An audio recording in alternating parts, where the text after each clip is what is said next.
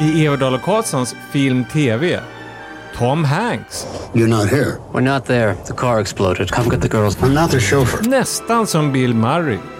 I Wes Andersons nya Asteroid City. Precis visad i Cannes. Och så Helena Bonham Carter som Nolly. to be ridiculous. What have you done? Oh, Michael, you idiot. En bedagad såpastjärna som man inte muckar med. Dessutom Road Rage i Los Angeles. Otrohet i Paris. Förnöjsamhet vid köksbordet i Vasastan. Allt i podcasten som är din enda vän i film och streamingdjungeln.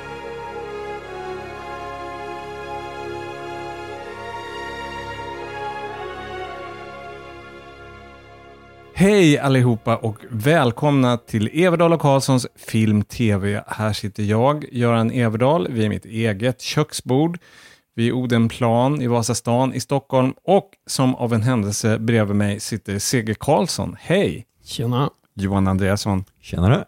Man kan väl säga att det var allt för länge sedan sist. Alltså inte mellan, vi tre träffas ju hela tiden. Eller ja, mer eller mindre. Ett par gånger i veckan i alla fall. Men däremot så var det allt för länge sedan vi gjorde podd och satt så här med mikrofonerna vid köksbordet. Nu har vi ju kört några månader här med att vi har gjort om till månadspodd. Jag älskar det så tillvida att det blir väldigt mycket mindre redigerande. Men jag tycker att det är för lite. Jag tycker att vi faktiskt borde hitta någon lösning för att göra det oftare. Det håller jag med dig om. Jag tycker också att det känns som att det går lite väl länge mellan poddarna nu. Men ja, alltså just med tanke på att det, det är du som gör det här tunga redigeringsjobbet så är det helt enkelt du som får bestämma takten lite grann. Ja, det kommer ju inte hända någonting förrän i höst. Vi Nej. kanske hittar på någonting då, vad vi nu gör. Men förhoppningsvis så ska vi kunna öka takten lite grann igen. Jag har ju suttit tyst. Jag har ju sett ditt minspel, Sege. Det... Nej, men det är ju ingen hemlighet. Nej, men jag tycker än så länge att jag tycker det är väldigt skönt att, att det inte är lika stressigt helt enkelt. Jag är inte sådär så att jag, ja, jag älskar ju inte att jobba. Du stampar inte i spiltan. Nej, jag gör faktiskt inte det. Men jag har full respekt för att ni två känner sådär och säkert en del kanske som lyssnar också och så. Jag, jag vet, men alla de som lyssnar vet också att jag tycker att det kan bli lite mycket ibland och stressigt, när, som vi har gjort tidigare. Så att, eh, men, men jag är helt med på att vi har en dialog om detta. Ja. Tillsätter en utredning. Kom just på det där med att, att du inte stampar i spiltan. Det finns någon slags underlig bondelinje med det här att gå upp på morgonen och arbeta. Därför att när du har talas om dina vänner och fam- familj och sånt där som går upp tidigt på morgonen, då kallar de alltid för mjölkbönder. Ja, men det är ju för att mjölkbönder måste gå upp tidigt för de har kor och jag har inga Och korna, det är de som stampar i spiltan. Ja, just det. Alltså, då kan jag, det här har jag säkert sagt förut, men jag har ju faktiskt arbetat som mjölkbonde på, på somrarna. Ja, och även ett stort namn inom svinavel. Ja, fast det, det är mer indirekt och väldigt, väldigt länge sedan. Jag ska förklara det här. Jag älskar att dra upp att Johan, att ditt första professionella arbete, eller första gången du fick betalt som tecknare, det var i vilket sammanhang? Eh, Svinavelns intresseförenings årsskrift 1974. Det är en stor sorg i mitt liv att jag aldrig har sett den här teckningen. Jag kan ta med den, jag har den kvar. Är det sant? Ja, Har du ja. kvar- Åh, gud vilken stor... Det borde vi ju nästan göra vid nästa poddinspelning. Men en vild gissning, det föreställer en gris. Japp, som har vunnit en pokal. Okej. Det en realistisk bild? Eller? Nej, nej, det är en väldigt Disney-aktig gris. Okej, ja, men det känns tryggt. Okej, men med tanke på att vi gör det här programmet numera, eller fortfarande, eller hur man ska säga, så sällan så hade vi tänkt att eh, faktiskt spetsa med lite extra tips här under välkommen-inslaget. Alltså saker som vi inte har tid att prata om i den så att säga riktiga podden, resten av podden. Vad har du sett, Seger? Alltså dels har jag sett en film som vi alla tre har sett och som har premiär den 16 juni, biopremiär. Och det är den här Blackberry. Blackberry, som alltså är en slags föregångare till iPhone, eller en tidig smartphone. Ja. Och den var ju kul och rätt så också lite spännande. Men, ja, men den, var, den är ju liksom lite, om jag förstår det rätt, så de har väl skruvat till lite. Jag menar, det är inspirerat av det som hände. Och de som skapade den är det ju. Ja, men alltså det är en film med en väldig fart och energi. Mhm. Alltså det är lite grann en business story av samma slag som eh, är, som jag ju tyckte var oerhört tråkig. Så att hade inte jag haft liksom är i bakhuvudet så hade jag tyckt att nu har de nog kanske skarvat och dragit på för mycket. Men med liksom den i tankarna så, eh, alltså jag blev väldigt positivt överraskad av Blackberry. Jag hade jättekul på den. Jag skulle verkligen rekommendera den Ja, helhjärtat alltså- till lyssnarna. Yeah, what can I do for you? Okay, picture a cell phone and an email machine all in one thing. There is a free wireless internet signal all across North America, and nobody has figured out how to use it. It's like the Force. Sorry, have you seen Star Wars? No. Den har en väldigt tydlig struktur. Det är en sån här uppgång och fallhistoria. Och man spoilar absolut ingenting. För när såg du någon med en Blackberry i handen sist? Det kan bara sluta på ett sätt när det här Titanics isberg visar sig vid horisonten. I det här fallet så är det Apples iPhone. Men även om man vet hur det slutar, att, att det kommer att gå åt skogen, så är det ju väldigt kul. Alltså man känner för de här nördarna. Ja, det gör man verkligen. Och jag har sett en tv-serie som jag såg fram emot enormt därför att den visades i USA på den här Hulu-plattformen, streaming som inte finns i Sverige. Men sent om sidor, det vill säga några månader senare, så kom den till HBO Max och den heter Mrs Davis. Och anledningen att jag var nyfiken, det var att den som står bakom det här, det är Damon Lindelof som är känd för Lost, men även The Leftovers. Ja, som är en jättefavorit för mig. Och han är väl även den, eller en av de drivande krafterna i alla fall, bakom den i mina ögon rätt lyckade tv-serien av Alan Moores eh, Watchmen. Jag tyckte att den var fullständigt lysande och eh, alltså Watchmen fortsättningen, alltså han kallade den för någon slags remix, vilket är larv. Det var en fortsättning skulle jag säga. Jag tyckte att den var helt fantastisk. Jag skulle säga att det är det bästa han har gjort, i mina ögon. Men jag har inte sett Leftovers, Ja, eller okej. rättare sagt, jag har Ja. inte sett andra säsongen. Men detta heter alltså Mrs Davis. Och Mrs Davis är, ska vi säga, det folkliga namnet på en AI, i, alltså artificiell intelligens, närvaro i den här serien som har på sätt och vis tagit över världen eller tagit över folks tid. Folk är helt beroende av Mrs Davis som liksom ordnar deras liv. Och det skulle kunna vara Siri eller någonting. Is it okay if I proxy?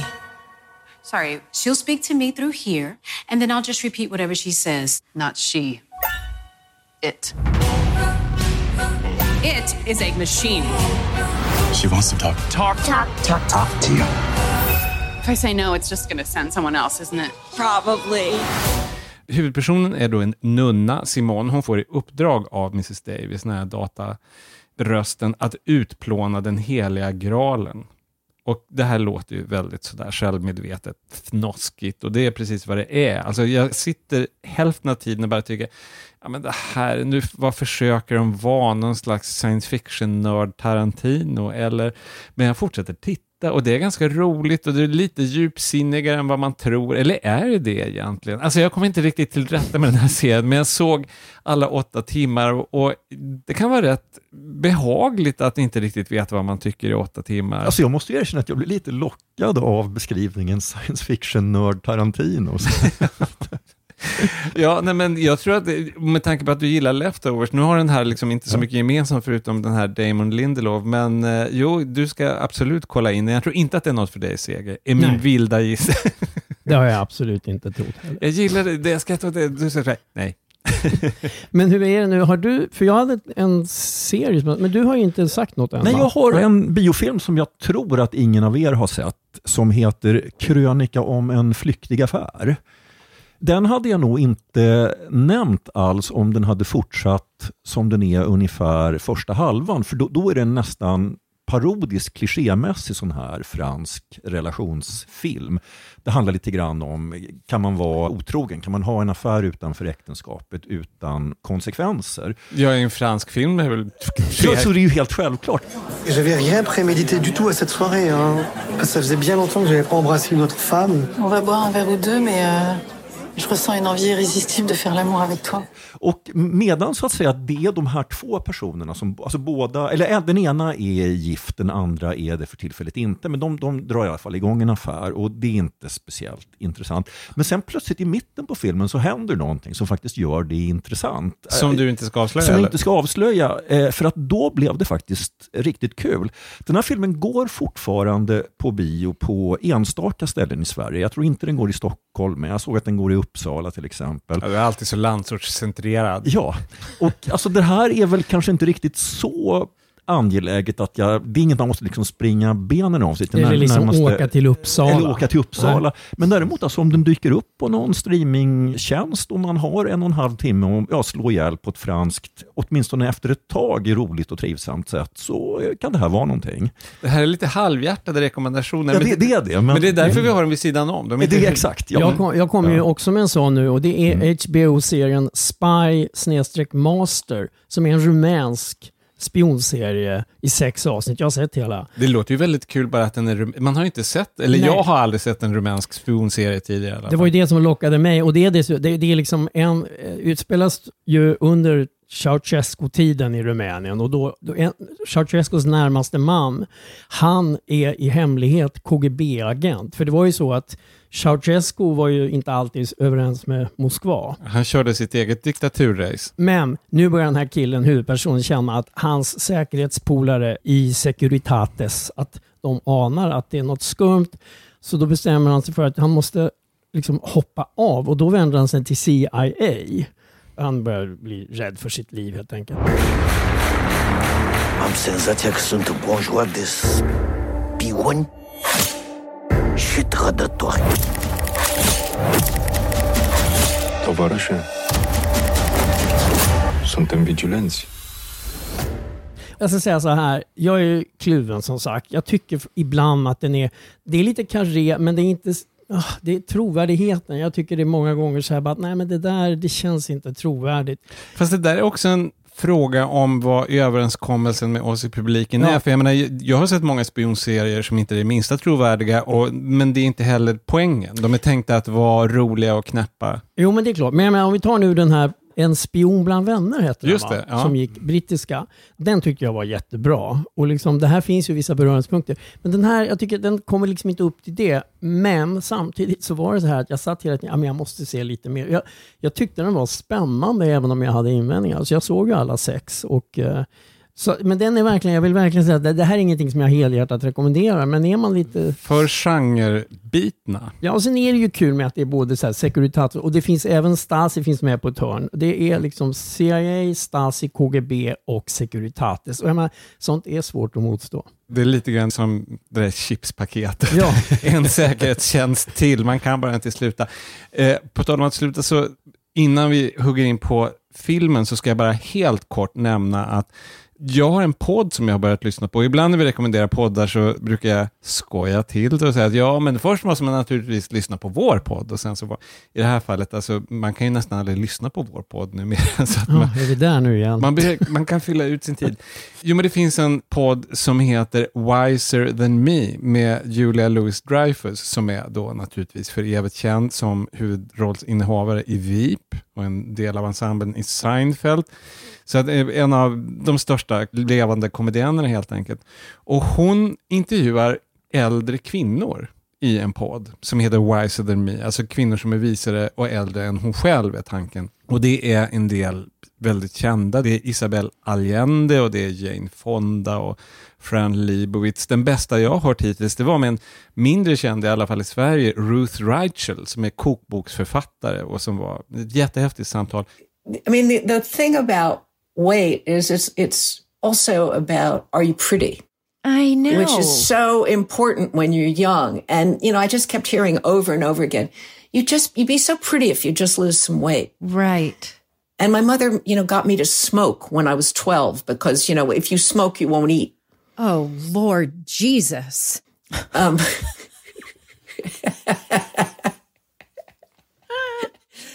Väldigt roligt.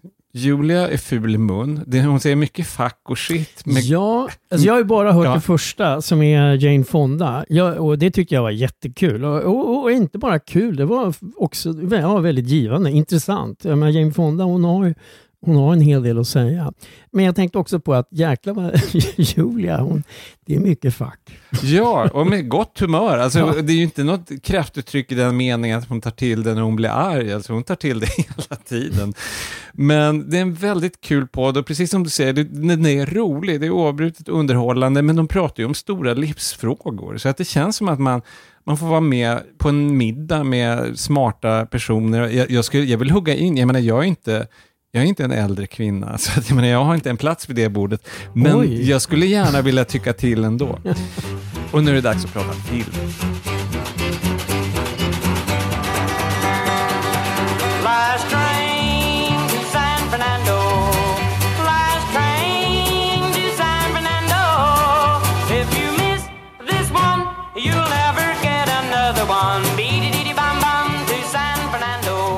Varför lyssnar vi på Last Train to San Fernando med Johnny Duncan and the Bluegrass Boys? En klämmig, udda, nostalgisk bit som bara någon har grävt upp. Kan det vara Wes Anderson? Ja, det kan det faktiskt. Det är från hans nya Asteroid City. Alltså han har ju den här tendensen han har ju rätt många tendenser, man känner igen honom från film till film om man säger så, Wes Anderson. Men bland annat på det här speciella sättet som han använder gammal musik.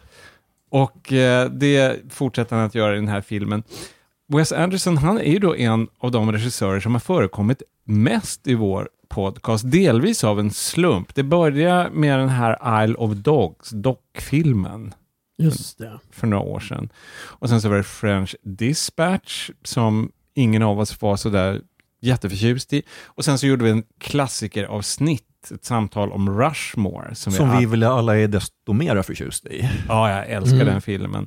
Det, man kan ju diskutera om det möjligen fortfarande är hans bästa. Och här kommer då Asteroid City. Och Asteroid City, det är en liten håla i öknen i Arizona. Det här utspelas på 1950-talet. Och den här staden, om det nu är en stad, jag vet inte, nu kommer jag inte ihåg exakt hur många, men det, hur Jag många... tror det står 87 invånare Ja. på en skylt. Ja, en mycket liten stad inom citationstecken. Den är byggd kring en uråldrig krater. Det har någon gång för tusentals år sedan slagit ner en meteorit där och det får sin betydelse i filmen. Och till denna lilla ort färdas ett gäng överbegåvade barn för att tävla om vetenskapliga priser. Det är någon militärbas där som sponsrar rymdforskning som jag uppfattar saken.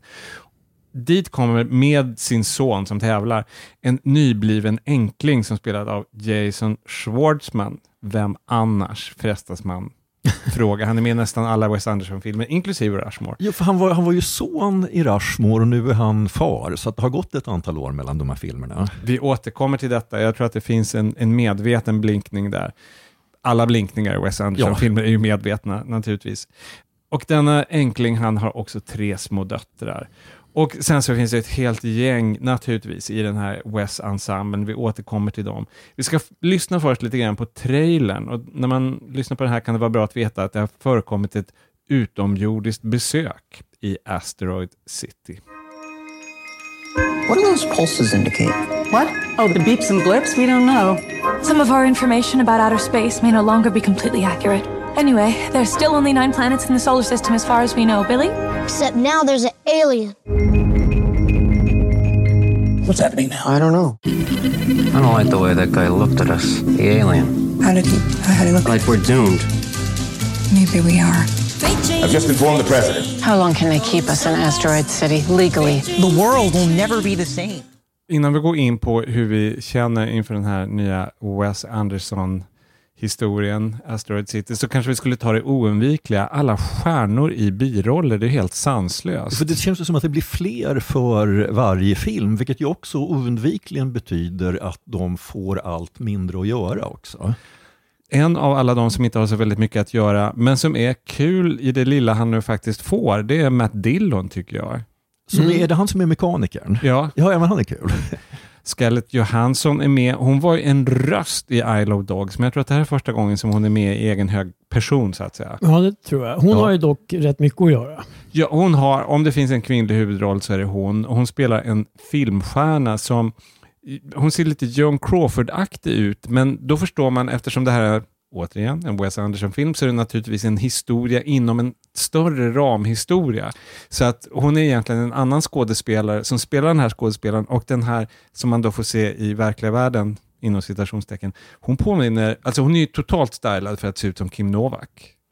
Ja, det är hon och jag tycker faktiskt också att man ser lite, alltså både som rollfiguren är skriven och framförallt som hennes frisyr ser ut, så tycker jag mig se lite Judy Garland också, för hon är ju liksom lite sådär självmordsbenägen och pillertuggande. Men nu pratar du om när hon är brunett. Exakt, ja, för det, det finns ju två skepnader. Det här är ju, liksom, det här är ju Ja. en sån där ryska dockor Ja, Ja. med ganska många, och, och meta och ja, många Mm. berättarlag. Den mest extrema så här, ryska dockorfilm som han har gjort var kanske Grand Budapest Hotel. Jag kommer inte ihåg hur många historier i historier han plockade, men han använder sina grepp här i allra högsta grad. Sen är det fler i birollerna. Det är Steve Carell, det är Margot Robbie kommer med på sluttampen. Schwartzman har vi redan pratat om, Tilda Swinton, Willem Dafoe. Någon som inte är med är ju då Bill Murray. Men då kan man väl nästan säga att de har klätt ut Tom Hanks till Bill Murray.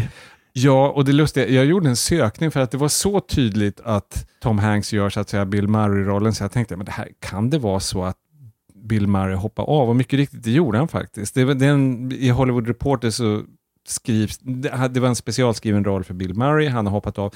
Det var inte uttryckligen den här rollen, men det är svårt att tänka sig att det skulle vara någon, någon annan roll. Alla de här stjärnorna, jag tycker att de gör ju det de har att göra naturligtvis bra. De är duktiga skådespelare, men för att vara då väldigt tråkig. Eh, Det är lite distraherande. Det blir lite grann som fågelskådning men med kända skådespelare. Ja men titta där. Alltså jag tycker rent allmänt att det, det är något distraherande faktiskt över hela filmen. Eh, Ja, men det är väl inte negativt? En film ska väl vara distraherande? Man ska ha, Den ska ha din uppmärksamhet. Jo men alltså Johan menar ju inte, det distraherar honom när han vill sitta och kolla på sin iPhone och så blir han. Det är inte så han menar. Alltså jag menar mer att det, det, ja, det, det distraherade mig i så att säga sökandet efter någon sorts handling som jag sen insåg var väldigt förgäves. Alltså för i mina ögon är de här, alltså den, det finns liksom roliga grejer och så här, men, men det finns också en väldigt tomhet i den här filmen. Vad säger du Sege? Ja, alltså jag är väldigt mycket på Johans linje den här gången och det är fascinerande för att eftersom jag vet att den har fått, man kan säga att den har fått förvisso lite blandad men mest övervägande ändå positiv kritik och då har jag varit nyfiken på att titta på de här, de här som har hyllat den och liksom som då har hittat grejer i den som jag inte hittade. Jag kan då när jag läser dem så kan jag säga ja, så skulle man ju kunna tänka sig. Men när jag såg den så famlade jag rätt ofta efter vad är poängen? Alltså Ja. bortsett från att den är som alltid med honom och speciellt numera snygg som attan. För det är den ju. Den är, Ja, ju den är ju- otroligt snygg. Ja, och så kommer det som sagt, alltså saker ser kul ut och det kommer liksom roliga scener och sådär. Men alltså en sak som jag tänkte på att han älskar liksom att bygga upp miljöer och känslan i den här filmen är nästan som att, mer som en film, utan att någon liksom har byggt en nöjespark med Wes Anderson-tema. Och så har han liksom plockat in saker från ja, alla sina gamla filmer egentligen och så vandrar man omkring mellan dem men det spelar ingen större roll i vilken ordning man tar dem och det finns liksom ingen känslomässig botten i Det håller inte jag med om alls. Nej, men- Jag- Ja, okej, ja, men det var Ja. bra. ja. ska säga e- en grej, jag håller med om att, att själva miljöerna är jättesnygga och de är artificiella även för att vara en Wes Anderson-film, vilket säger en del. Alltså det, det är oerhört stiliserat. Men den är också utformad som vi redan har sagt, att vara en pjäs teoretiskt sett, som man ser filmad. Så att det kan möjligen vara liksom en grej, en förfrämning, att man ska verkligen se att det är kulisser. Så att det är lite grann avsikten. Och som sagt, det är inte bara det att det är snyggt, det är också väldigt roligt. Det finns en martini-automat där i Asteroid City. Alltså de tar dry martinis ur en automat, ungefär som, som om det hade varit en läskautomat eller någonting. Jo, alltså de där roliga enskildheterna finns. Alltså det är en, annan väldigt rolig grej att man kan köpa mark, Mark. alltså real estate också i en sån här liten automat. Men alltså jag tycker det, det, det hjälper inte när, alltså i mina ögon, allt bara känns meningslöst. Nej, men det är där jag absolut inte håller med. För jag tycker, så här, när jag såg filmen så kände jag i början lite grann som ni. Så att liksom, I feel you. Jag vet var ni kommer ifrån. Jag kände mig lite vilsen och när jag kollade på mina gamla recensioner av hans tidigare filmer som vi har haft i podden så pratade jag om The French Dispatch, att det känns syrefattigt, man känner sig instängd i hans terrarium och så var det lite grann här i början. Men sen så är ju problemet att jag trivs i det här terrariet. Jag funkar där.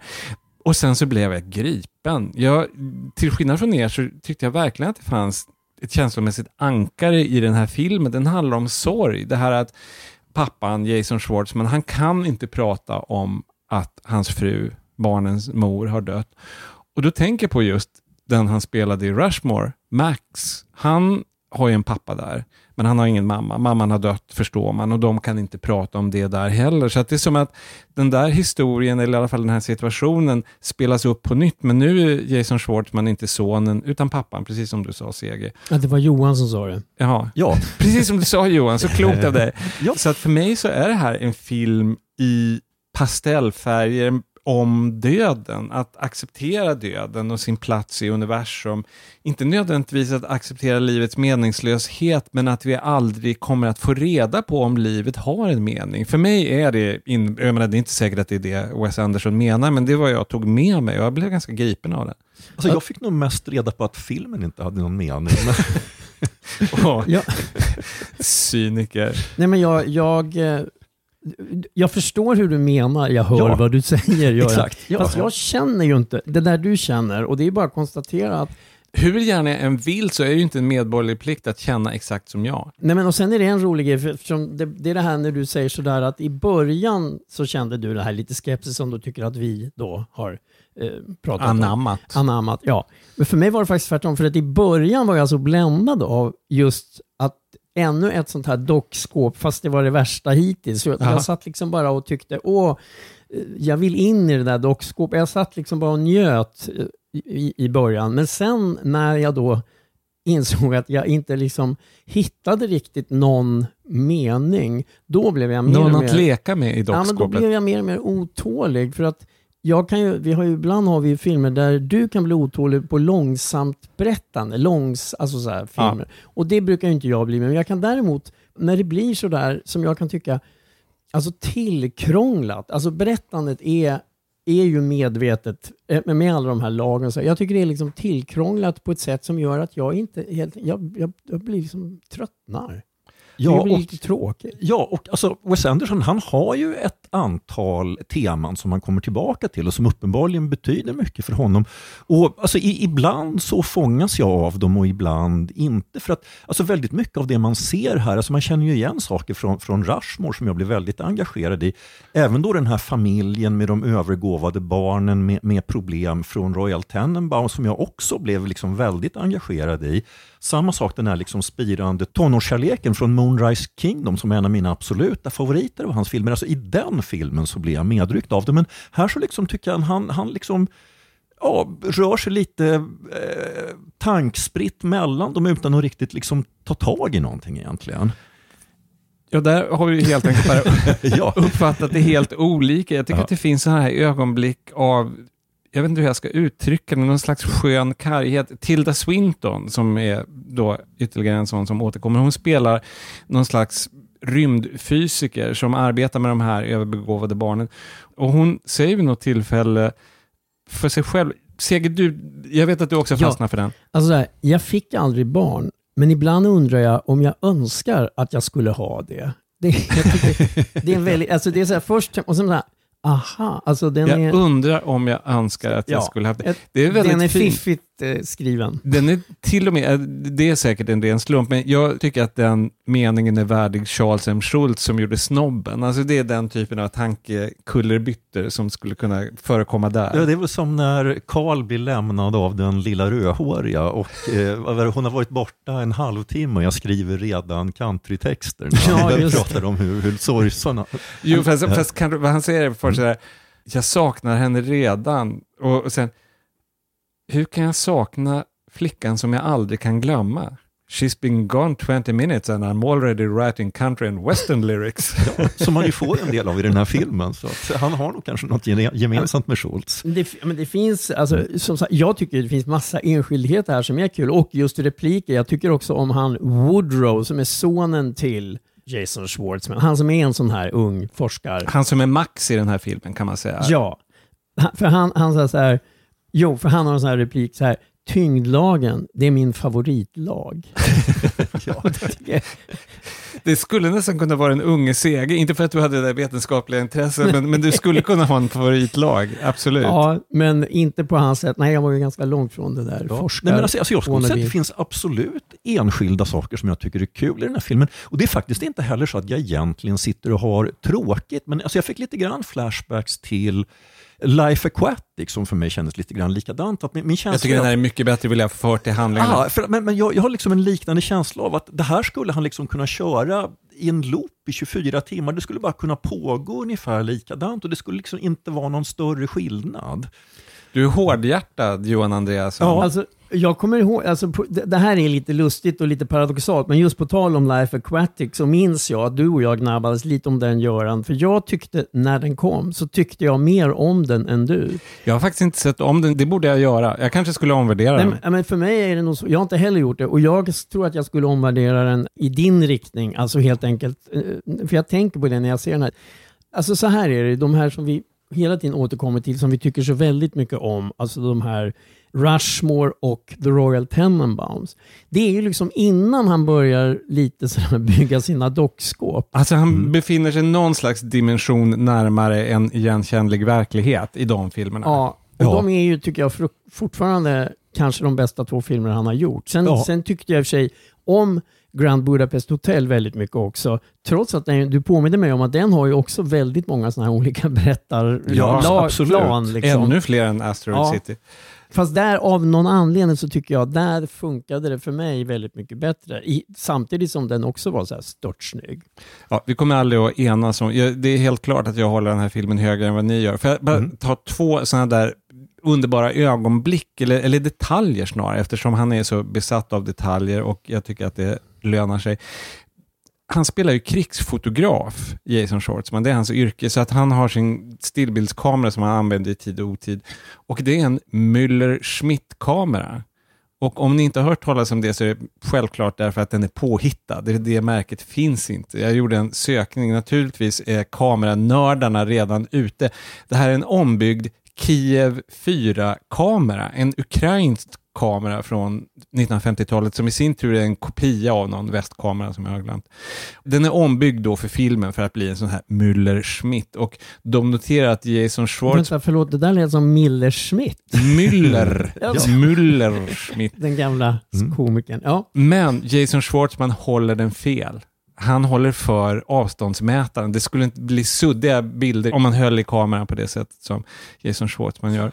Alltså det, det finns ju naturligtvis liksom mycket detaljer. Alltså är det så säga, bara det man är ute efter? Det finns ju jättemycket att titta på och om man är på det humöret, googla och sådär. Alltså när nu du nämner det här som jag håller med om är roligt så tänkte jag bara ta det som, som jag tycker är det liksom allra mest onödiga och poänglösa i hela filmen. Och det, det är den här ramberätt, ramberättelsen med alltså, att det, är, det vi ser är, är det så att det är en dokumentär som handlar om en tv-produktion av den här pjäsen som vi sen kommer in i. Jag uppfattar det som någonting i den stilen. Ja, jag tror det. Fast sen så rör sig berättandet ur den ramen också. Ja, Ja. det, är- det är invecklat. Ja. Men då, då är det ju ändå så att den del, liksom, för att Wes Anderson som annars är så noga med detaljer, till exempel i The Friends Dispatch där jag lite grann storknad av alla detaljer, men där liksom, saker stämde ändå. Det var liksom hämtat, även om det var fiktivt då, så, men så här funkade journalister, så här funkar en tidning och en tidning från den tiden. Men alltså, amerikansk liksom, direktsänd tv från 1955, den ser inte alls ut på det sättet som han, han har ju bara Skit, det, har, det fyller ingen funktion liksom, som det det har och det fyller ingen funktion i berättelsen heller. Det, det är bara liksom en helt onödig grej som, ja, dessutom så där var det ju inte. Nej, men jag tycker att det inte gör det allra minsta. Det är en fantasi, det är en slags dröm, det gör mig ingenting. Den invändningen är för mig irrelevant. Det är ett drömspel, Johan Andreasson, vad mig anbelangar. Men då i så fall efterlyser jag roligare drömmar. Okej, det är fair enough. För mig är det här en rolig dröm, men in, inte för dig. Ska säga, nu, sen så måste vi sluta, men jag har bara två sådana här detaljer som jag tycker är kul. Dels att om man saknar C.G. Carlssons pyjamastips så finns det ju, det här är ju verkligen pyjamasar och morgonrockar i den här filmen, framför allt morgonrockar. Jason Schwartzman har en jättesnygg morgonrock och det har även filmstjärnan som spelas av Scarlett Johansson. Eh, jag vet inte om de, det är en slags grej att de blir kära i varandras morgonrockar, möjligen. Han har, jag tror också att det är Jason, det finns i alla fall en jättesnygg gul pyjamas, gulrandig tror jag, pyjamas som, som också jag satt och faktiskt kände att åh, det där var snyggt. Noterar ni att hon är ju då lite method actress, den här filmstjärnan som spelas av Scarlett Johansson, så att vid något tillfälle för hon ska vara deprimerad i filmen så, jag vet inte, hon låtsas ha tagit droger eller något, hon ligger i badkaret och ser helt utslagen ut. Det är hon inte. Det är ju exakt bilden när Janet Leigh har blivit mördad i Psycho som henne har återskapat där, bara på kul uppenbarligen. Förutom att hon är brunett så är det exakt den bilden, den vinkeln. När allt är fullbordat och hon har dragit ner duschdraperiet. Mm. Mm. Ett hmm fick det Ja, bli. jo, ja. Okej, nu ska jag, nu, jag, jag anar svaret utan att jag faktiskt har hört det. Men hur, hur många stjärnor får den här filmen dig, dig Johan? Eh, De är två och inte speciellt starka. Seger? Två och ändå ganska starka. Vad är det? Jag, du jag- sitter jag och gapar. Jag, jag, jag trodde nog att det skulle bli en trea. För mig så blir det då självklart fyra och en stark fyra till Asteroid City. Jag vet inte vad medel blir med två tvåor och en fyra. Alltså vi brukar ju avrunda uppåt. I så fall så blir det tre. Ja. Säg- Jag Går skulle- jag fram som en ångvält. Ja. Ja. Okej, så då blir det alltså tre stjärnor till Asteroid City och nu är det dags för tv.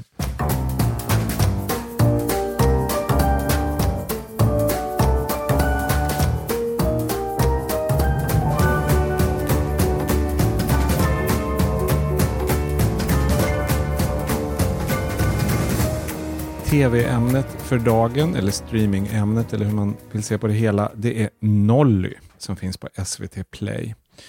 Och det var en tv-serie som väckte förväntningar, i alla fall hos mig, därför att manusförfattare, det är Russell T Davis. Och vad har han gjort som vi gillar? Ja, alltså dels en engelsk skandal, den med Hugh Grant som ju var väldigt bra. Suverän. Och så Years and Years. Ja, som var, inte var dum alls. Nej, det var bra ända Mm. fram till sista avsnittet tycker jag. Ja. Och Jag sen- gillade även, jag känner att jag är en sån, Ja. vad, vad säger man, en, en easy lay. Alltså jag, jag är väldigt snäll idag, Nej, men jag gillade även sista avsnittet. Okej, ja, ja, ja. Men, men fram till dess tyckte jag den var jättebra. Och sen har han ju gjort It's a sin och Queer as folk. Jag har sett It's a Sin som jag tyckte var väldigt bra. Som, jag vet inte om den, ja, vi kollar det. Om det men ni kan se på Facebook-sidan om den ligger kvar på HBO. Min gissning är att den gör det, den är väldigt bra. Om aids-epidemin sedd från en slags London-synpunkt. Och nu kommer Nolly. Och det är tre avsnitt på 45 minuter, så det är ju inte någon sån här jättegrej alltså. Man, om man nu är lite så här allergisk mot väldigt långa serier. Så Det här är verkligen en miniserie Ja. i ordets rätta bemärkelse. Och den har verklighetsbakgrund. Det handlar om en kvinna som heter, eller hette, för hon finns inte längre, Noelle Gordon. Och hon var stjärna i en i Sverige okänd varje dag såpa gick fem dagar i veckan, lite grann som Coronation Street, som heter Crossroads. Och den gick 1964 till 1980 i vad, ser jag? Ja, till 1988. Sen hade den ett litet, litet revival 2001 till 2003, men det, det blev inte så mycket. Så att framförallt liksom 60, 70 och 80-talet. Mm. Men Göran, det här är ju verkligen ett område som du är expert på. Så du har med skrivit en hel bok om tvåloperor. Jag har gjort det och i den boken så nämner jag Crossroads, men den får inte speciellt mycket plats, utan när jag skriver om brittiska såpor så är det EastEnders och Coronation Street och lite grann Hem till gården. Och alla de här, i alla fall EastEnders och Coronation Street, omnämns som konkurrenter till Crossroads. Men det är alltså i den här, som då utspelas på ett motell, Crossroads, som Nolly är centralgestalt. Och hon är en sorts älskad diva, folkets kvinna, därför att det här är ju inte finkultur på något sätt. Hon spelas av Helena Bonham Carter och vi ska lyssna på en scen. Det är omförhandling av Nollys kontrakt och hon är väldigt stursk. Hon vill ha bättre villkor. Och hon pratar med sin agent och hon får en obehaglig överraskning. Nolly, you've been sacked. He said they have plans. The future of the show without you. Oh, don't be ridiculous. Nolly. What have you done? I beg your pardon? Well, have you done anything to annoy them or to vex them? I don't know. It was the most extraordinary meeting I've ever had in my life. I've been sacked. Yes. He sacked me. Yes. What did he say? He said you're sacked. That is the sort of thing a man like that says, Oh, Michael, you idiot. It's a deal, it's a game. Meg is going to die. He said they'll give you six months and then they kill her. They're going to write the story of the death of Meg Mortimer and that's the end. God knows why. I have no idea why, but you're out. Ja, det här var ett ganska, hur ska vi säga, representativt klipp. Man fick en känsla för vem Nolly är och hur Helena Bonham Carter tolkar henne. Bara så här direkt bara, alltså hon är ju så jäkla bra. Helena Bonham Carter, det, Ja, är det- hon ju, det är hon ju ofta. Ja, men det är verkligen den stora behållningen av den här serien. För att jag kände mig till att börja med lite vilsen här. För att det här påminner ju inte alls om något annat som jag har sett av den här författaren, som ju ofta är, är liksom väldigt så spännande. Och jag vet ju nästan ingenting om brittiska dagsåpor, så det tog ett tag för mig att liksom orientera mig i den här världen. Så att efter att ha sett första avsnittet så visste jag inte riktigt vad jag tyckte om serien, men, men ju längre jag såg desto bättre tyckte jag om den. Och avsnitt tre så var jag liksom helt med på noterna.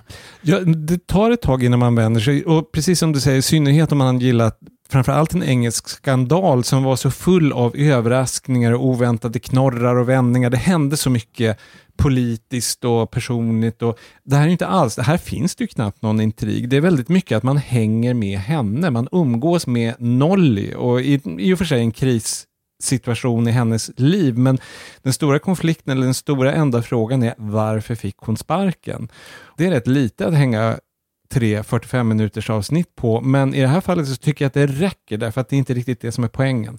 Det är ju helt givet att för en engelsk publik, de som så att säga såg det här, så, så är det en helt annan upplevelse än vad det kan vara för oss eftersom de... Ja, det bara tänka sig, om någon hade återskapat, så här, inte vet jag, Kristina Skolins upplevelse i varuhuset som någon slags ödesdrama, det, jag skulle sitta Ja. bänkad. Så det är verkligen så att i England så, så är det en helt annan grej naturligtvis att se den här. Men jag tycker med tanke på att ingen av oss tre har någon som helst relation till den här serien alls. Lika lite som någon annan svensk i princip. Därför så tycker jag ändå det är rätt häftigt. Jag, det var också så för mig i början lite så här, hmm, ja, jag var liksom inte riktigt så här fångad. Men också för mig så blev det liksom för andra avsnittet mer och tre, alltså jag blev helt enkelt mer och mer engagerad och det är ju inte bara för att hon är så bra, men det är ju en bidragande, en väldigt stor del i att Ja, det är så bra. men Men, alltså- det är ju också så mycket annat. Ja, alltså, nå- någonting som verkligen framgår är ju hur mycket Russell Davis eh, älskar den här sortens liksom väldigt så här, lågstatus tv-underhållningen och kanske speciellt då den här skådisen. Men det är någonting med hela den här dagsåpavärlden som han ju uppenbarligen liksom är helt fascinerad av. Men det finns ju någonting med det här, liksom, den solkiga sidan av den brittiska folksjälen. Alltså det vi ser och det som exporteras med BBC och Downton Abbey och liksom den här Porsche-sidan. Men den här andra busskisar-sidan, Mm. alltså den är ju precis lika skön. Det här liksom lite ostädad, och med ostädad menar jag skitig pub, alltså den sidan. Ja, och det här är någonting som jag minns från din bok, att du hade ett väldigt roligt exempel. Det var ett uppslag i boken där du visar skillnaden mellan brittiska såpor och amerikanska såpor. Och då, där det står brittisk såpa så är det en eh, bild på två eh, väldigt bistra, jag tror möjligen lite tandlösa kvinnor som sitter och blänger på varandra på, på en väldigt sjaskig pub. Det är. Coronation Street. Det, ja, och så är det amerikansk såpa och då är det två kaliforniska bikinibrudar på en strand. Melrose Place. Jag gillar f- både Coronation Street och Melrose Place. Världen är stor nog för båda, men det är verkligen helt Det är två ja, är det, skilda världar för att tala såpaspråk. Passande, passande benämning. Men sen är det ju, det finns ju också något så här väldigt, så här lite snällcharmigt och varmt med den här Ja, verkligen. serien. Den är ju gjord med en stor portion kärlek. Ja, till exempel den här relationen mellan Nolly och hennes kollega Tony som eh, helt klart är gay. Och de har en sån, det som finns något så charmigt med deras relation. När de, på kvällarna så gör de så här window shopping tillsammans ibland. Alltså de helt enkelt, Går att låtsas att de köper saker i skyltfönstret. ja. Och det är ju som en liten rutin de har. Och bara det, så- deras relation överhuvudtaget tycker jag, den är väldigt Sen är fint det att han kör, de bor grannar, och han kör henne till jobbet varje dag i en roll, så är hennes roll, så då kallar hon honom vid efternamn och låtsas att han är hennes chaufför.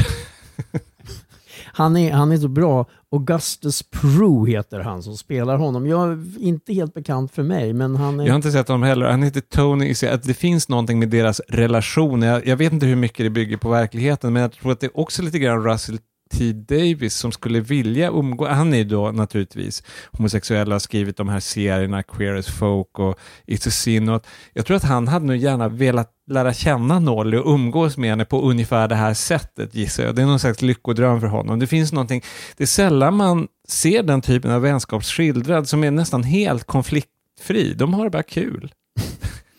Men sen det här, det här att man blir engagerad är ju också att man förstår ju mer och mer att det här är liksom hennes liv. Den här. Alltså hon, innan hon har förstått det här, att hon faktiskt ska få sparken, då är hon ju rätt kaxig och sådär. Men sen när hon verkligen, när det sjunker in, så det är ju liksom, det här är hennes liv, det är den här serien. Och det tycker jag hon gestaltar också schysst, Helena Bonham Carter. Alltså det är ju inte bara att hon är, är liksom rolig, så här, hon har, det finns ju verkligen Det finns den här undertexten att hon, det finns en smärta där som hon inte riktigt uttalar, eller den kommer lite grann i sista avsnittet, men den finns under ytan. Ja men absolut. När hon inser liksom att jag har, jag har ingenting nu. Ungefär. Och apropå den här Tilda Swinton, jag fick inte barn och ibland så undrar jag om jag önskar att jag, vad hon nu sa. Det, det finns den aspekten på Nolly också, att den här Crossroads är ju hennes barn och hon har varit någons älskarinna och valt bort traditionellt familjeliv och ja, då blir hon väldigt beroende av de här tv-cheferna. Sen är det ju kul att vi liksom får vara med bakom kulisserna. Alltså den här skildringen av den här såpavärlden, alltså när de spelar in det. Vi är ju med liksom när skådespelarna får manusen och hela det här liksom i studion och så. Det tycker jag är, är roligt bara som så att säga arbetsplatsskildring eller vad man ska Och kalla ett det. väldigt enkelt grepp som man har sett i andra sammanhang också, men som de råkar göra väldigt bra här, det är att de klipper över till sån här sunkig videokvalitet som det var på 70-talet. Så att man, man klipper från vad de ser i inspelningsögonblicket till vad tv-tittarna ser. Och det, det är väldigt verksamt som det är gjort här. Plus att om man då har sett lite sunkig 70-tals-tv, den såg ju för jävligt ut. Kommer ni ihåg när de klippte från utomhusscener Ja, till ja. inomhus? Så det kan man fortfarande se i Fawlty Towers, som är en av de som man fortfarande... Alltså det är som att de, de plötsligt... Är det en annan tv-serie plötsligt för att de kliver igenom en dörr? Och sen när, när du beskriver det här, jag håller helt med om att det är väldigt roligt att komma bakom kulisserna på såpavärlden. Sen i, i det sista avsnittet så där, då har hon ju liksom inte kvar sin såpakarriär längre och försöker sig på att spela på scen. Och då får man ju se hur en uppsättning av musikalen eh, Gypsy går till. Och det är också jätteroligt att se liksom, hur de tänker där och hur hon ska funka i den ensemblen och så. Det finns ju sån här lite kul verklighetsdubblering därför att Gypsy är då känd för en... Den var skriven för Ethel Merman som är en av då teaterhistoriens största röster. Alltså jag vet, hon har så här omfång och liksom lungkraft och den här musikalen var skriven för att dra nytta av det. Så att det finns ett nummer som är ökänt svårt att framföra. Och grejen är att Nolly var ju inte sångerska. Hon hade inte riktigt sångröst, så att hon är livrädd för att göra det här. Och Helena Bonham Carter, man får höra henne sjunga åtminstone en del av den här Everything's coming up roses. Och det låter inte jättebra. Och det roliga är att hon spelade ju Mrs. Lovett i Sweeney Todd och fick då kritik för att hon inte var en tekniskt skicklig sångerska. Så att hon har ju varit med om det själv. Just ja, i filmen Sweeney Todd. Ja. Ja, det var väl eh, han eh, Tim Burton va? Hennes före detta man, Ja, eller då, det. då var de väl fortfarande gifta Ja, tror jag. Alltså en bara, det här är bara en pytte, pytte grej, men jag tycker det är så kul. Det är en scen bara på krogen, bara en replik. När något sånt här, hon har ju så många hängivna fans, alltså när Ja. hon då har fått sluta och sådär. Och de älskar ju henne. Och då är, det, då är det en kvinna som kommer fram till henne på krogen och liksom säger något sånt här gulligt. Och, och då när den här kvinnan har gått iväg så säger ju hon till kyparen liksom, jag betalar hennes nota. Och sen så, men inte vinet. Det är ett underbart ögonblick. Sen, alltså, om, om man ska då ta några svagheter i serien, för jag tycker ändå att sådana finns. För att alltså, de här grejerna, liksom relationen med henne och hennes fans, de tycker jag är bra och fungerar. Men sen finns det också, det kommer liksom några tillfällen där jag helt enkelt tycker att de blir för demonstrativa och brer på för tjockt. Alltså jag tänker speciellt på en scen där hon åker buss och liksom möter ett tvärsnitt av folket som talar om hur underbar. Och jag, jag kommer att tänka på då, kommer ni ihåg den här scenen i Darkest Hour där Winston Churchill åker tunnelbana? Det här, det här är väldigt roligt Johan, för precis den scenen tänkte jag också på. Ja, och, och du även- också? även jag, ja. Ja. Men då är, skillnaden för mig är faktiskt att för den hade jag så enormt svårt Ja. för i The Darkest Hour. Ja. Eh, och dessutom minns jag att jag blev nyfiken och läste och det var så uppenbart påhittat. Ja, och Winston. Churchill satte väl aldrig sin fot i tunnelbanan? Nej. Han åkte inte tunnelbana en sekund i ett ganska långt liv tror jag. Nej, men, så den störde mig där. Men jag måste erkänna att här köpte jag den. Ah, alltså, okej. Jag tyckte Ja. faktiskt att ja, men jag blev så här lite varm av den scenen. Jag menar, jag kan inte... Du har ju en poäng. Men, den, den var lite schematisk, det kan jag ja, hålla med om. Men jag, jag, jag var lite, där var jag en enkel celle och köpte det. Jag kan också köpa det, men Johan har ju, för att vara en sån hårding från Reimersholme så har du ändå en ovanligt hård dag kan jag känna. liksom, vem, vem spottade i din lunch? Men vi är väl hur som helst, vi är väl liksom rätt eniga om att det här är ju inte en måste-serie. Men, det är, men det är en sevärd men serie. den är sevärd. Ja. Ja, är det förbjudet att trivas? Är det inte min tv kanske? Och har vi sagt, jo men SVT Play, det sa väl du i början? Nolly på SVT Play. Nu är det dags för sista rundan.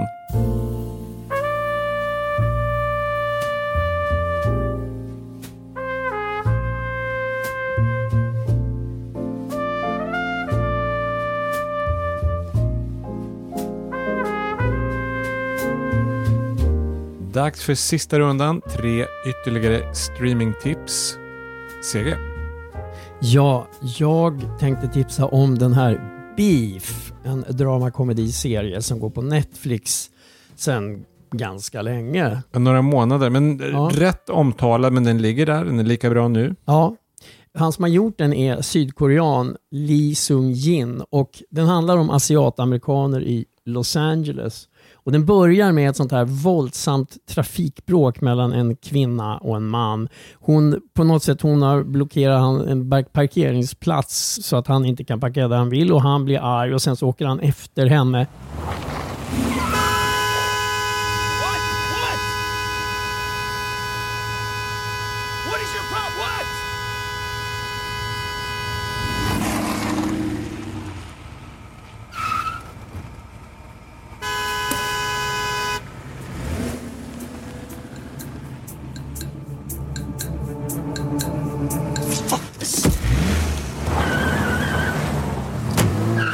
Han ser inte att det är en kvinna, för han ser liksom inte in i bilen så. Han tror att det är en snubbe.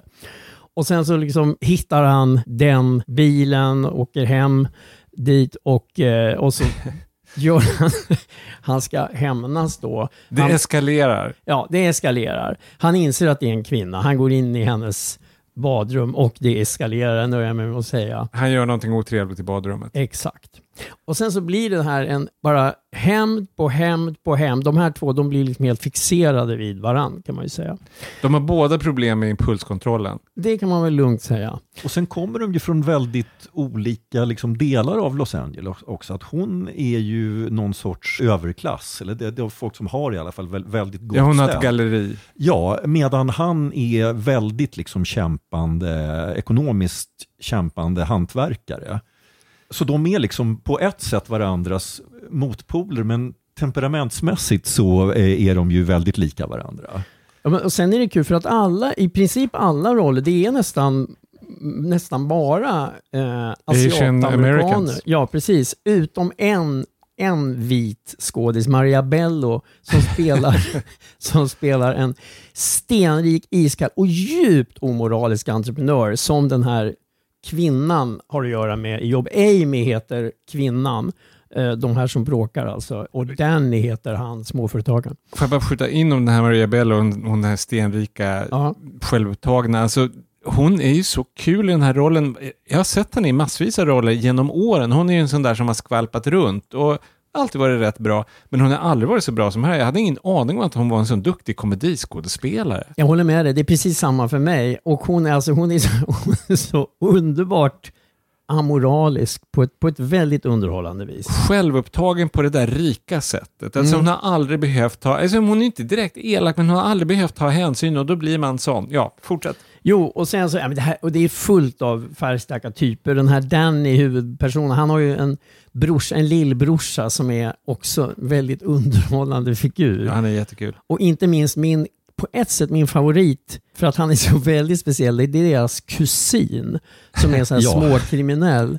Alla scener med honom, han är, han är också bara så väldigt, han är underhållande bara i sig. Profiler. De är verkligen inte rädda för att ta ut svängarna. Alltså det här är något man kan känna igen från en del koreansk film som har kommit på bio. Det här med att man tar i liksom ordentligt och att det kan bli då, när det funkar som det gör här, väldigt roligt. Den skiftar väldigt så här drastiskt mellan olika tonlägen faktiskt. För att det, det finns ju liksom sån ren thrillerspänning sådär. Och sen så är det ju skruvad fars ibland. Och så är det också vass satir faktiskt.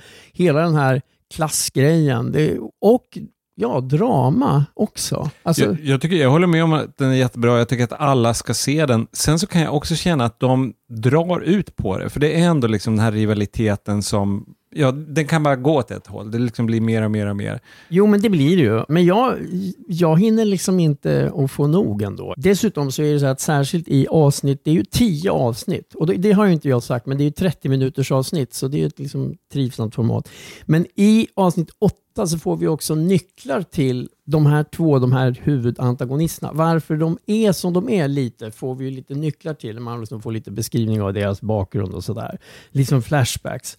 Nej, men jag tycker den är väldigt underhållande, originell, enormt sevärd tycker jag. Beef i Netflix. I Netflix? Ja, det är under Netflix. Eller kanske lite så här lätt vid sidan av Netflix. Nej, men okej då. Beef på Netflix. Jag, jag, bara, jag bara, en en stilla undran. Jag undrade och jag hörde hur jag sa i och jag hann tänka, varför sa jag i? Ja. B- Beef i Netflix. Nu, nu är det Being Mary Tyler Moore i HBO, Ma- i HBO Max. Ja, Being Mary Tyler Moore, det är alltså en dokumentär om Mary Tyler Moore, skådespelaren. Jag älskar då film och tv och showbiz historia och jag är fullständigt galen i Mary Tyler Moore Show, alltså tv-programmet som gjorde Mary Tyler Moore legendarisk.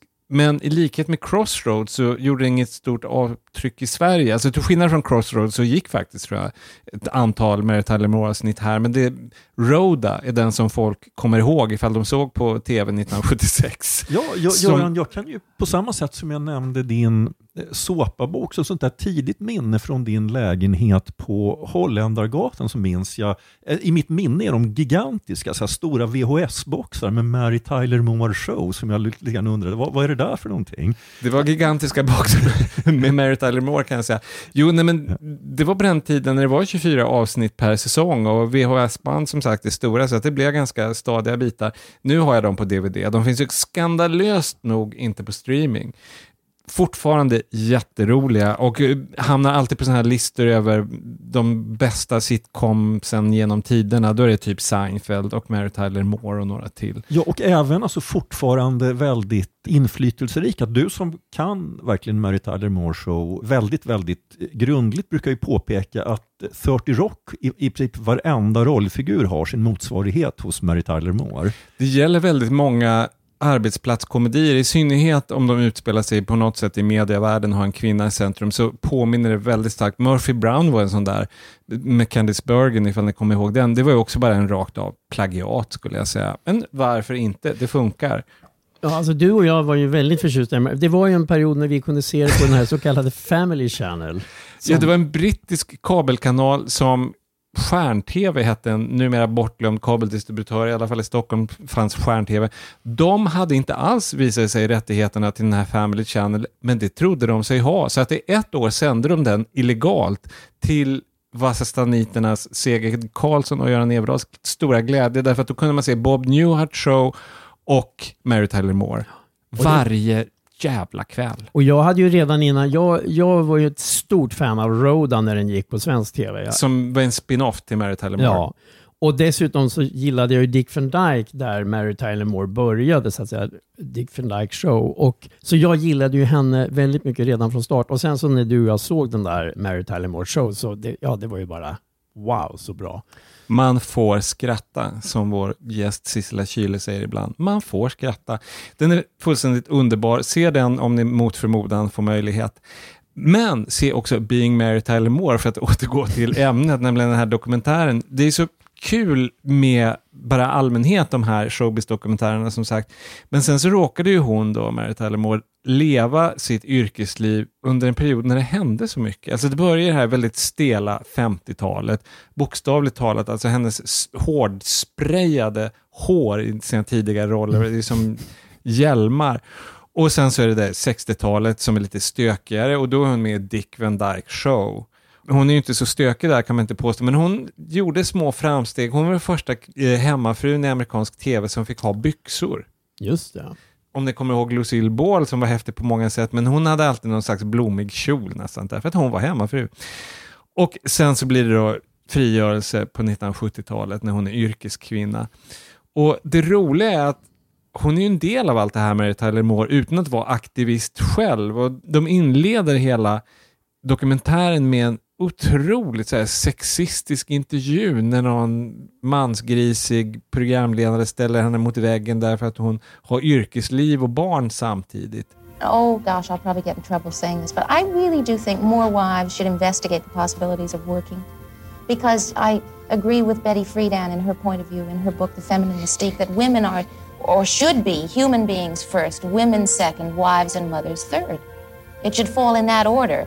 And that uh, if there's a, enough thought and effort put into uh, this attempt, that it will not hurt the family, it will not hurt the work, that they can function very nicely together. I'm proving it.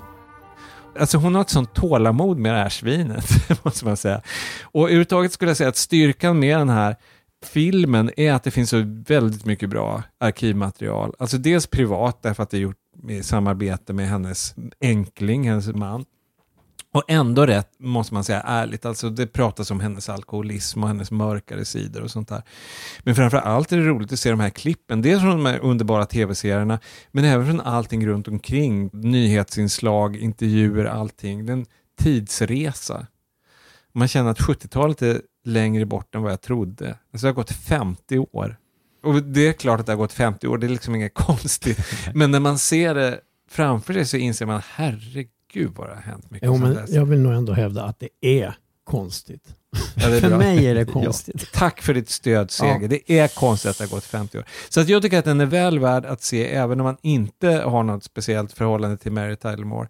Likhet med, det finns paralleller med Nolly där, att man kan vara besatt av den här personen och vissa människor är det, men det behöver man inte vara. Den är bra ändå. Så att Being Mary Tyler Moore på HBO Max. Johan? Jag har sett Varför bad de inte Evans? Jag såg den på TV4 Plus. Man kan också se den på More om man har tillgång till den kanalen. You were with Mr. Pritchard at the moment of his demise. Yes. Were there words exchanged? Why didn't they ask Evans? What does that mean? I don't know. The man spoke his last words to you. That's a bond. I was trying to work out what had happened. How exciting. I wish you luck. Did you say someone tried to poison me? Do you mean to tell me that you cannot remember? Och det här är alltså en Agatha Christie-serie, men jag antar att de, även om man som jag har läst verkligen massor med Agatha Christie, så det här var inte en titel som jag kände igen. Det är en ganska okänd roman av henne från 1934 och det är ingen av de här kända detektiverna, så det är inte en Hercule Poirot eller en Miss Marple-historia. Eh, alltså Agatha Christie, man har ju liksom bilden av henne att hon är liksom nästan som P.G. Woodhouse, att alla böcker, P.G. Woodhouse som jag också älskar, men alla hans böcker är ju i princip likadana, man vet alltid precis vad man får. Så är det ju faktiskt inte riktigt med Agatha Christie. Alltså hon har, om man, som jag har läst mycket, ett större register än vad man tänker sig i alla fall. Alltså framförallt de äldre böckerna. Jag har också sett den här serien och Ja. jag vill påminna, för jag, när jag var tonåring läste jag mycket Agatha Christie. att Böckerna just från 20 och 30-talet, de kan vara mer så här, nästan Tintin-äventyrsromaner. Ja, och det är precis det som den här är. Att det är Alltså pusseldeckardraget, alltså själva mordgåtan är faktiskt inte speciellt framträdande här, utan det här är som du säger, det är väldigt mycket äventyr, det är faktiskt rätt mycket romantisk komedi också. Att det finns inte en detektiv då som löser fallet, utan det här mordfallet, det är en, en man som dör, han hittas nere vid foten av en klippa. Han har fallit eller möjligen blivit knuffad. Han säger en sista sak. Varför bad de inte Evans? Så det här hör en ung man som jobbar som kyrkoorganist och han är också golfcaddy. Det är, Det är hans sista ord. Alltså inte ja, caddens. Nej, det är hans sista ord.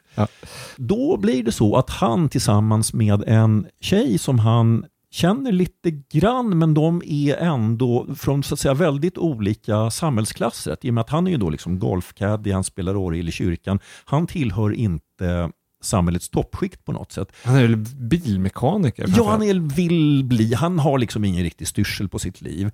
Men så finns det ändå den här tjejen som han har någon sorts kontakt med och de blir liksom indragna. Det är de som tillsammans då försöker lösa det här mordfallet. Alltså och hon är blivande grevinna. Ja, blivande grevinna och lite så här liksom tokig arvtagerska från en screwball-komedi ungefär. Jag tycker att hon är väldigt kul. Även snubben är bra, de har en bra kemi, men det, jag tror det är speciellt henne man gillar. Alltså hon är verkligen eh, rolig på ett sätt som alltså, eh, kvinnliga komiker på, i gamla 30-talsfilmer kunde vara. Där, där har inte du nämnt den, men regissören och manusförfattaren är ju inte helt okänd. Hugh Laurie, alltså Ja. han är ju berömd komiker. Ja, verkligen. Och med en stor Woodhouse-bakgrund. Han har ju spelat Bertie Wooster mot Stephen Fry då, som spelade betjänten Jeeves. Och man märker faktiskt mycket av hans Woodhouse-bakgrund i den här. För det, det här är en väldigt, alltså Tintin var ett bra exempel. För det- den här serien, det är en väldigt, väldigt trivsam blandning av just spänning och humor. Och det, det är alltså typisk sån här brittisk trivsel-tv när den är som bäst. Att det här är för mig väldigt mycket, när jag liksom sätter mig ner och ser det här så är det precis som när jag bänkar mig framför den här nyinspelade I vår herres hage. Alltså det är de här jättebra skådisar, det är påkostat, det är de här fantastiska miljöerna. Det är inte Eh, det här sunk-England som Nej, jag... verkligen inte. Jag, Eh. jag, kände, jag satte mig ju ner och jättesugen Ja. på det här eftersom liksom allt med den lockade mig så jag bestämde att jag skulle titta också. Och jag satt också och trivdes i vad det nu är tills den första reklampausen kommer, alltså på TV4 Play. Och så tänkte jag, jaha, ja just det, okej, ja, men ja, ja, det, det blir väl någon liten reklam. Och sen bara kände jag under det reklamavbrottet, nej glöm att jag tittar vidare. Jag bara stod inte ut. Och, och det går ju inte heller att lura på något sätt när man är på TV4 Play. Det går ju liksom inte Man att... kan betala sig ur det, man kan betala för någon prenumeration. Okej, ja, ja, hur som helst. Jag bara, jag bara kände, nej, jag, jag, så nu, jag hoppas verkligen att den kommer på, vad var det du trodde? Britbox. Britbox. För, att, för jag, jag bara, du, du har alltså sett, hur många avsnitt är det? Eh, fyra. Men gud vad mycket reklam du måste ha sett då. Men du Alltså jag gjorde ju något annat under reklamen då. Jo, i och för sig. Men, nej, men jag vet inte, jag tyckte det liksom, jag kom helt ur. Så, att, så jag går verkligen och, nu går jag och hoppas att den kommer på Britbox. För jag blev verkligen sugen Ja. av det jag såg. Men Sigge, det här är lite kul, för du brukar ju ibland liksom titta lite ogillande på oss två. Ja, ja, ni ser ju aldrig reklam, ni ser ju aldrig vanlig tv.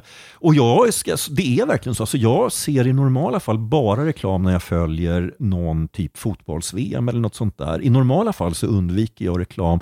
Men det här var jag så sugen på att se och blev så fångad av så att jag tog reklamen faktiskt utan några större bekymmer till och med. Det, jag vill bara säga, det är ju mitt sportintresse som gör att jag då ser reklam ibland. Men det är inte så att jag sitter och, gillar, om det är någon gång att jag säger till, men och det är ju för att jag någonting jag tycker är dumt. Ja. Alltså, så vill jag att ni ska också ha sett det.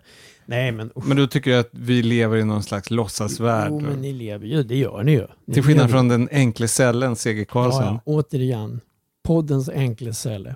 Det är jag.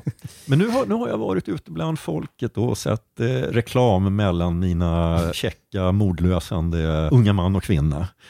Och Har du fått några bra tips på tvättmedel och chokladkakor? Ja, det har jag i så fall förträngt. Lär av detta TV4-chefer.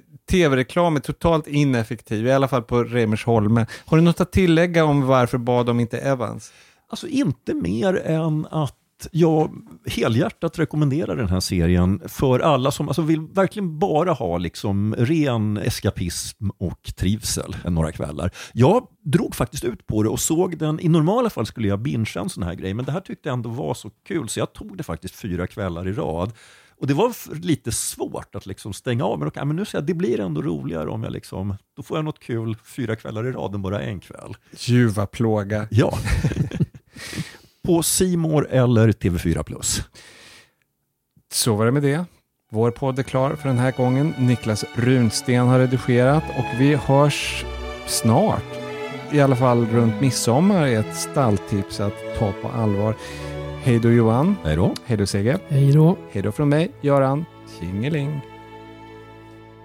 And my mother, you know, got me to smoke when I was 12 because, you know, if you smoke, you won't eat. Oh, Lord Jesus. Um,